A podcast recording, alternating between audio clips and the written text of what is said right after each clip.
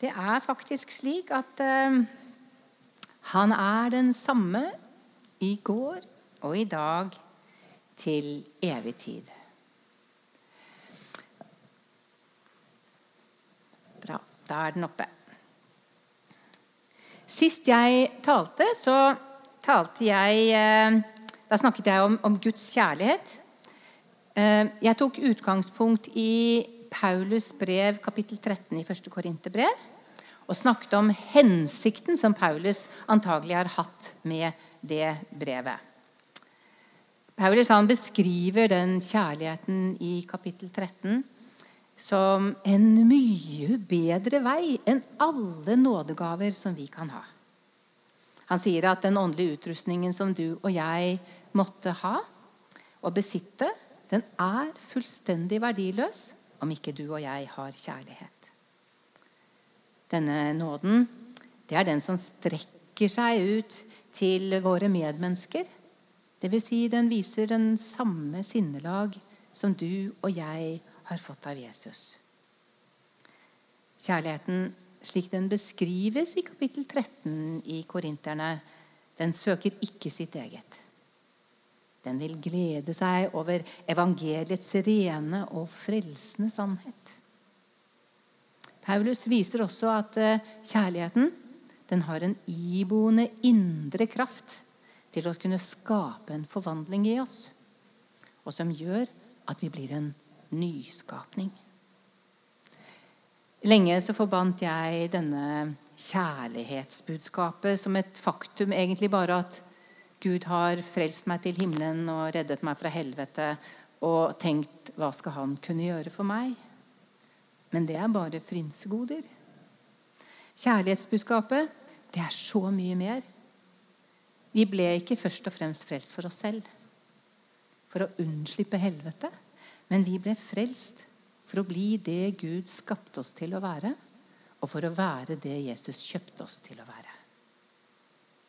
Vi er frelst for Hans navn, slik at vi på nytt kan komme inn i Guds nærhet og leve det livet som vi opprinnelig var tenkt til å leve til, før syndefallet.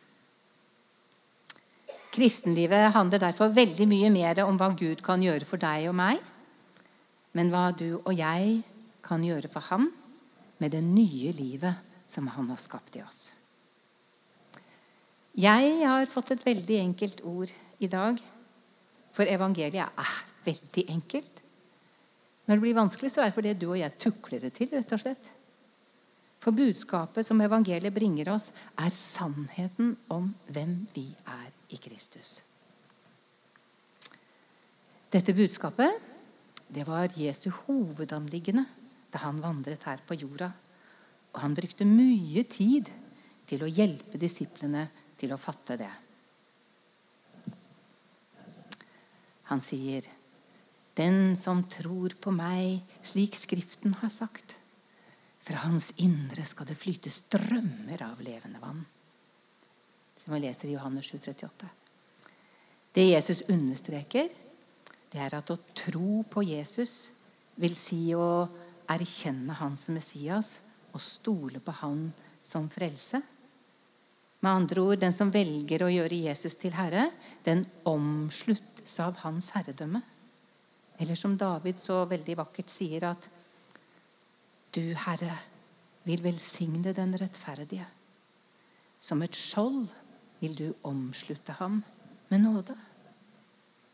Som Jesu etterfølgere så omsluttes du og jeg av Hans nåde og herredømme, som lovsangskoret egentlig har sunget mye om allerede i dag.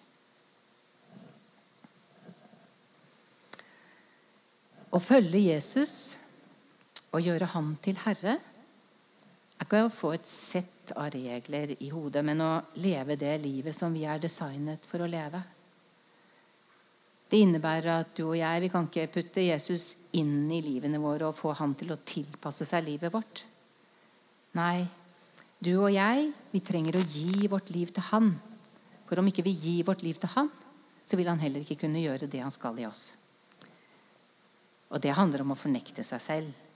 Dø fra eget liv eget intellekt, motiv og mening for livet. For vårt eget liv som vi planer det, i hvert fall har det vært sånn for meg, det er at man er selvopptatt, selvsentrert og selvforsvarende. Og det vil i liten grad gi plass til Jesus. Men tar vi et bevisst valg til å gjøre Jesus til herre og får del i det liv som han har, da får vi også del i det herredømmet. Den første kristne, eller de første kristne de ble i starten kalt Veien. Dette fordi det valget de tok ved å følge Jesus, det ble et veivalg omverdenen la merke til. Visst ble det barskt for apostlene, men de trøstet seg med at Den hellige ånd den vitnet med dem og i dem og for dem, slik at de kjempet ikke livets kamper alene. Vår fiende Satan han gjør alt han kan for å få oss av veien og tilsløre sannheten om vår identitet. Da Jesus ble korsfestet på korset, så sier han det at 'Far, tilgi dem, for de vet ikke hva de gjør'. Det hadde altså kommet en blindhet over de som eh, korsfestet ham, slik at de gjorde ting de ikke ville ha gjort hvis de visste hvem de var. En sånn type mangel på kunnskap det kan ødelegge oss. Nettopp fordi at du og jeg uten kunnskap vil ta feil valg, og vi vil få en annen identitet. Dette var veldig viktig for Paulus også. Derfor skriver han til menigheten i Efesos og sier at han holder ikke opp med å be for dem. Tenk deg den nøden han hadde for menigheten sin. Tenk deg alle de menighetene han stiftet. Men han holdt aldri opp med å be for menigheten. Han sier dem at han ber om at den Herre Jesu Kristi Gud og Far, herlighetens Far, må gi dem visdom og åpenbaringens ånd i erkjennelsen av hvem de er, og at deres forstandsøyne må bli opplyst, slik at de kan forstå hvilket håp de har ved hans kall, og forstå hvor overveldende stor hans kraft er for oss som tror. Når vi omsluttes av Jesu herredømme, så er den Jesu kraft den er tilgjengelig for oss. Å kjenne til identiteten i Kristus, det var viktig da. Og jeg tror det er like viktig i dag. Kanskje enda mer viktig, for vi står veldig tett på at Jesus skal komme igjen. For hvis vi mangler kunnskap om dette, så vil du og jeg kunne stå i fare for å falle bort fra troen, som Paulus advarer Timotius i 1. Timotius 6,20. Jesus han forklarer dette veldig enkelt for oss. Han sier at slik min far har elsket meg, på samme måte har også jeg elsket dere. Bli i min kjærlighet, sier han. Kjærligheten som Jesus snakker om, er å bli værende i den rene, helhjertede, dype og personlig utholdende kjærligheten som uttømmer seg selv for andre, og som ikke bekymrer seg over hva som møter oss rundt neste sving. Jesus han ber disiplene om å se på det livet han levde, omsluttet av fars herredømme. Aldri kan vi vel lese om at Jesus han lurer på hvordan han skal få nok vin til bryllup i Kanaan, hvordan han skal mette 5000, hvordan han kan vekke opp døde og helbrede syke. Nei, Jesus han levde i atmosfæren av Guds herredømme. Så er det samme herredømme som Jesus har. Denne atmosfæren var det disiplene fikk del i. De kunne stadig glede seg i den. Og fra deres side så betydde det at de måtte bruke sin frie vilje for å bli i denne kjærligheten. Det trengtes altså en respons for å kunne bli i kjærligheten. Men hvordan blir man værende i denne kjærligheten? Jeg elsker Oi, der forsvant den veldig.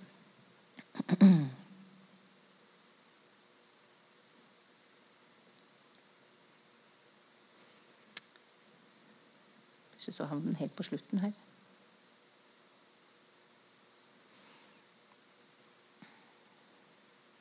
Der Skal vi se.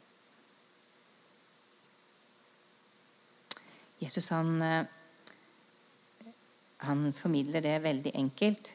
Han sier at hvis noen elsker meg, så vil han holde mitt ord. Og min far skal elske ham, og vi skal komme til ham. Og vi skal ha vår bolig i ham. Dette er ikke tomme ord. Du og jeg inviteres med andre ord inn i den samme atmosfæren som Jesus hadde ved å lyde Guds ord. For lydighet og kjærlighet, de to ting hører sammen. Det ene forutsetter det andre. Jesus han formidler dette mange ganger gjennom evangeliene. Og I kapittel 15 i Johannes evangeliet så starter han med lignelsen om vintreet og grenene. Han sier at 'jeg er vintreet'. Og det er ikke bare det at han er roten, men han er hele treet. Og vi er grenene. Hensikten med denne lignelsen synes åpenbart å være at Jesus vil understreke enheten som rår mellom ham og de som tror på ham.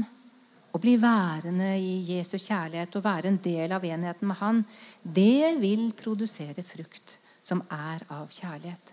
Nettopp fordi Gud er kjærlighet. Dette har jeg sagt dere, sier Jesus i, i vers 15 i kapittel 15 eh, seinere, for at dere kan eie min glede, og deres glede kan være fullkommen. Å bli i enheten med Jesus, det byr på en atmosfære av glede som er en helt annen glede enn den verden kan gi. Like mye som hans fred er en helt annen fred enn det verden kan gi. Å bære frukt for Gud er ingen byrde. Det er et privilegium. Hvis det å bære frukt for Gud er den fullkomne glede, så forstår jeg lettere hvorfor jeg har kanskje hatt litt lite glede når jeg har gått min egen vei. Når jeg går min egen vei, så lever jeg for meg selv.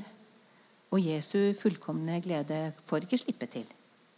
Visst kan jeg glede meg over det livet har å gi, men den fullkomne glede den slipper ikke ordentlig til før livet mitt overgir til Jesus. Jeg har gått på flere smeller, og jeg tror ikke jeg har gått på min siste. Men ikke så rent sjelden så snubler jeg inn i gjøreriet. Jeg tenker at 'jeg skal jobbe for Gud', istedenfor å tenke hva Jesus skal gjøre i meg. Og holder jeg på slik lenge nok, så blir både gleden, freden og hvilen i Kristuslivet borte. For Kristus har liksom ikke først og fremst sitt, eller Kristuslivet har ikke først og fremst sitt utspring i hva jeg, skal, hva jeg syns skal gjøres, og hva jeg skal gjøre for Han, men hva Han ønsker å gjøre i meg. Er jeg opptatt av å la Han få gjort det i meg som Han ønsker å gjøre, så trenger jeg ikke bry meg så veldig mye om hva alle de andre mener. Jeg kan fokusere på det som han har gitt til meg å fokusere på med mitt liv. Og så kan, han, så kan alle andre fokusere på det som de har fått. For eh, hver og en av oss har fått en nådegave som det er ment at vi skal tjene hverandre med. Vi er ikke alene om å snuble om sannheten i vår identitet menigheten i Galatia de var en menighet som besto for det meste av eh, hedninger. De hadde fått malt Jesus Kristus korsfestet for sine øyne, står det i Galaterne 3.1. Og rettferdiggjørelsen av tro Og rettferdiggjørelsen av tro alene det var en del av morsmelksopplæringen deres. Likevel så hadde noen sneket seg inn med falsk lære og overbevist menigheten om at det måtte mer til enn tro alene. Paulus går derfor hardt til verks og kaller dem både uforstandige og forhekset. Hvordan kunne de la seg frarøve sannheten så lett? De bedre enn noen andre burde vite at det ikke finnes noen annen frelse enn troen på Jesus Kristus.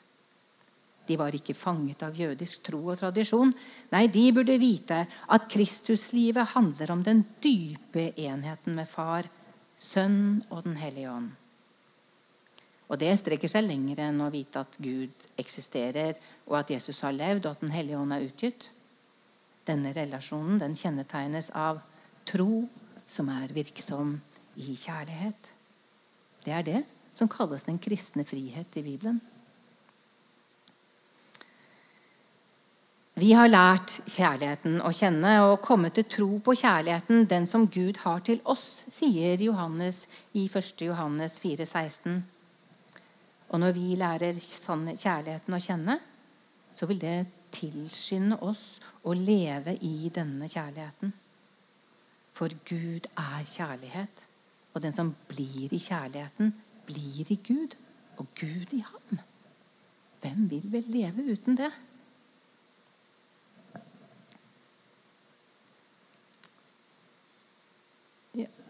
Det er litt, eh, den virker ikke helt som den skal. ja. Ja. Jeg har en lengsel og et driv etter å vokse inn i denne sannheten. Jeg er lei av å kjempe livets kamper slik alle andre gjør det, og lure meg selv ved å tro at vi er jo bare mennesker. Men det er ikke det Bibelen sier at vi er. Vårt DNA, det er Jesus selv. Og som han er, slik er vi i denne verden, sier, sier Johannes i 1. Johannes 4, 17. Så hvorfor nøye seg med mindre? Da Paulus skriver antagelig sitt siste brev til Timotius, som var hyrde og pastor midt i det ugudelige Efesos, så trøster han sin venn med å si at når livet blir barskt, så må han ikke glemme de hellige skrifter for de er alle innåndet av Gud. De er nyttige til lærdom, til overbevisning, til rettledning og opplæring i rettferdighet, for at Guds menneske skal være godt utrustet til all god gjerning. Paulus minner Timotius på at han er ikke overlatt som foreldreløst barn i denne verden. Nei, han sier til sin venn at enhver nyskapning som blir i Kristi kjærlighet, blir omsluttet av hans herredømme. Visst kan det bli tøft for den unge pastoren.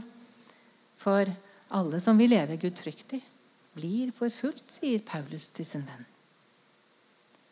Men så lenge Timotius sørger for å ha et eget andagsliv og holde fast på ordet, så blir han ikke noe bytte for falske teorier og spekulasjoner.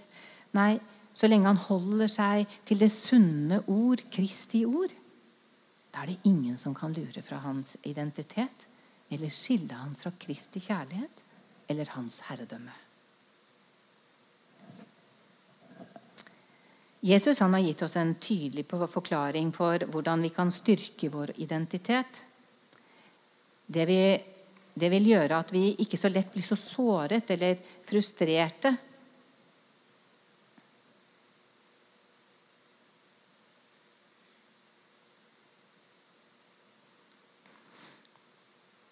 Eller at vi føler oss manipulerte av andre. Ei heller så vil vi miste fotfestet i livets stormer når det møter oss. Det er et løfte. For hør bare hva Jesus sier. Vær den som hører disse mine ord, og gjør etter dem. Ham vil jeg sammenligne med en klok mann som bygde huset sitt på fjell. Og regnet øste ned, vannflommen kom, og vinden blåste og slo mot dette huset. Men det falt ikke, for det var grunnlagt på fjell. Å høre og gjøre etter Guds ord vil bevare vår identitet fordi vi da ikke faller bort fra kjærligheten fra Jesus. Det har vært gjennomført flere studier eh, over hvor mange kristne som leser Bibelen, og det er et ganske nedslående resultat. To av fem frikirkelige leser ikke Bibelen, slo dagen fast for noen år siden. Og Hva årsaken til det er, det vet jeg ikke, men jeg har ikke tenkt å være en del av den statistikken. For hvem er det som vil unngå å la seg fylle av Jesu DNA hver eneste dag. Dette er Jesu DNA. Dette ordet som Jesus selv, eh, som Jesus selv er, det er ikke noe tomt snakk eller tomme løfter. Hør bare hva Gud selv sier om ordet. Liksom regnet og snøen faller ned fra himmelen og ikke vender tilbake dit før det har vannet jorden og gjort den fruktbar og latt det spire og gro på den. Gitt såkorn til den som skal så, og brød til den som skal spise. Slik er det også med mitt ord. Det vender ikke tomt tilbake, men utfører det jeg vil, og fullfører det jeg sender det til. Ja, med glede skal dere dra ut og føres lykkelig fram. Fjellene og haugene skal møte dere med jubelrop, og alle trærne på marken skal klappe i hendene.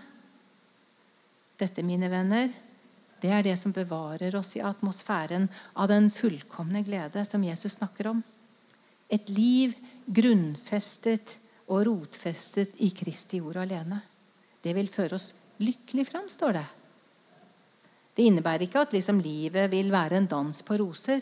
Men det er ingenting som kan rive oss bort ifra den atmosfæren av denne fullkomne glede som Jesus snakker om. Vi blir i Kristi kjærlighet når vi leser Guds ord. Og blir vi i Guds ord, så omsluttes vi av Hans nåde, og vi omsluttes av Hans herredømme. Å leve utenfor Kristi ord, så lever vi også utenfor Hans herredømme. Og lever vi der i Kristi ord, så har vi jo ingenting å frykte. Om du vet med deg selv at du har kommet litt bort ifra denne atmosfæren av Kristi kjærlighet og Hans herredømme, da kan du i dag på nytt la Kristi ord fylle deg. Om du syns det er vanskelig å lese Bibelen selv, så er vi heldige i dag, da. Vi har, vi har mange muligheter. Dere kan laste ned bibelappen. Der kan du høre bibeltekstene. Der kan du finne leseplaner for den situasjonen som du selv er i. Du kan lytte til daglig andakt, og du kan få hjelp i bønn. Og så kan du passe på at eh, du kan også høre talene som er i Senterkirken på podkast. Høre de flere ganger. Det gjør ofte jeg. Og hvis du ønsker å utvide horisonten, så finnes det veldig mye bra undervisning. I dag er det ingen god unnskyldning ved å ikke lese Guds ord. Man kan putte det på øret når man legger seg. Man kan høre det på, i, i, bilen når man kjører. Man kan la den stå på i bakgrunnen når man lager middag. Vi kan fylle oss med Guds ord hele tiden. Og jeg tror at Skal vi kunne møte den tiden som står foran oss, så er jeg overbevist om at dette huset som vi bygger på fjell, ved å bli i Guds kjærlighet, ved å lese Guds ord og bli i Guds ord, det vil gjøre at vi blir stående. Hvis vi ikke er der, så er jeg av den oppfattelsen at eh, da blir vi som denne mannen som bygde huset sitt på sand. Den blir rivd ned av stormene. Den vil også være utsatt for falske løgner og usannheter. Og ikke verst av alt er at vi kan bli frarøvet vår identitet i Kristus. Jeg skal slutte nå Eh, men hvis du er her som ønsker forbønn på å komme i gang igjen med dette, hvis du har vært litt borte, så kan du komme fram etterpå eller bli sittende i, i benkeradene. Eh, og la ikke frimodigheten stoppe deg. Den, eh, den har en stor lønn, står det. Og vi skal be om at det ordet som er sådd inn i deres hjerte, får gjøre den gjerning i dere for det er det som ordet har til hensikt, at den skal eh, overbevise oss. Den skal få oss til å leve det livet som vi er tenkt å leve i utgangspunktet. Den Ordet den vil at vi skal gripe herredømmet. Den vil at den skal gripe nåden. For om ikke vi griper det, så blir vi egentlig bare blodfattige vitner i denne verden. Men i Kristus så er vi det han har kalt oss til å være. Himmelske Far, jeg takker deg og priser deg for din nåde. Takker deg og priser deg for det at vi kan få lov til å bli i ditt herredømme. Takker deg og priser deg for det du har gjort så enkelt at vi bare kan holde oss i deg og være i deg. Så vil du skape den frukten i oss som du vil skal herliggjøre deg. Far, jeg priser deg og takker deg for det enkle evangeliet som du har gitt oss. Må vi gripe det, Herre, og må vi ikke la muligheten gå forbi oss. Nei, la oss hver dag få en, eh, en driv og en nidkjær etter ditt ord, Herre. Så vi som denne menigheten blir en menighet som er bygd på fjellgrunn. Det kan komme stormer, det kan komme anklager, det kan komme noen som vil, vil prøve å ryste oss og skake oss. Men Herre, det som er bygd av deg, det kan ingenting i denne verden ta og, og, og få ende på. Herre, vi takker deg og priser deg for at ordet, det er det som bor i oss, Herre. Når det får bolig i oss, når du, du sammen med din far og Den hellige ånd tar bolig i oss, da kan vi bli minnet om alt det du har å si. Vi har noe å møte enhver prøvelse med i livet. Vi har enhver ting å kunne møte med mennesker som lider og har det vondt. Herre, du vil tilskynde oss med ditt ord, Herre, til å tjene deg med et helt hjerte. Jeg ber i den Herre Jesu Kristi navn, Far, om at enhver som du har talt til i dag, Herre, får kraft til å gjøre de endringene som er nødt til å gjøre for å kunne bli i din kjærlighet. Takk for at det ikke fins noen fordømmelse for den som er i deg, Herre. At uansett hvor langt på viddene vi har vært, uansett hvor lite vi har lest og hvor lite vi har hørt, så er hver ny dag en ny nåde til oss, Herre. Takk for at vi kan få komme til deg, til nådens trone, og bli omsluttet av deg med din nåde og ditt herredømme. I Jesu navn. Amen.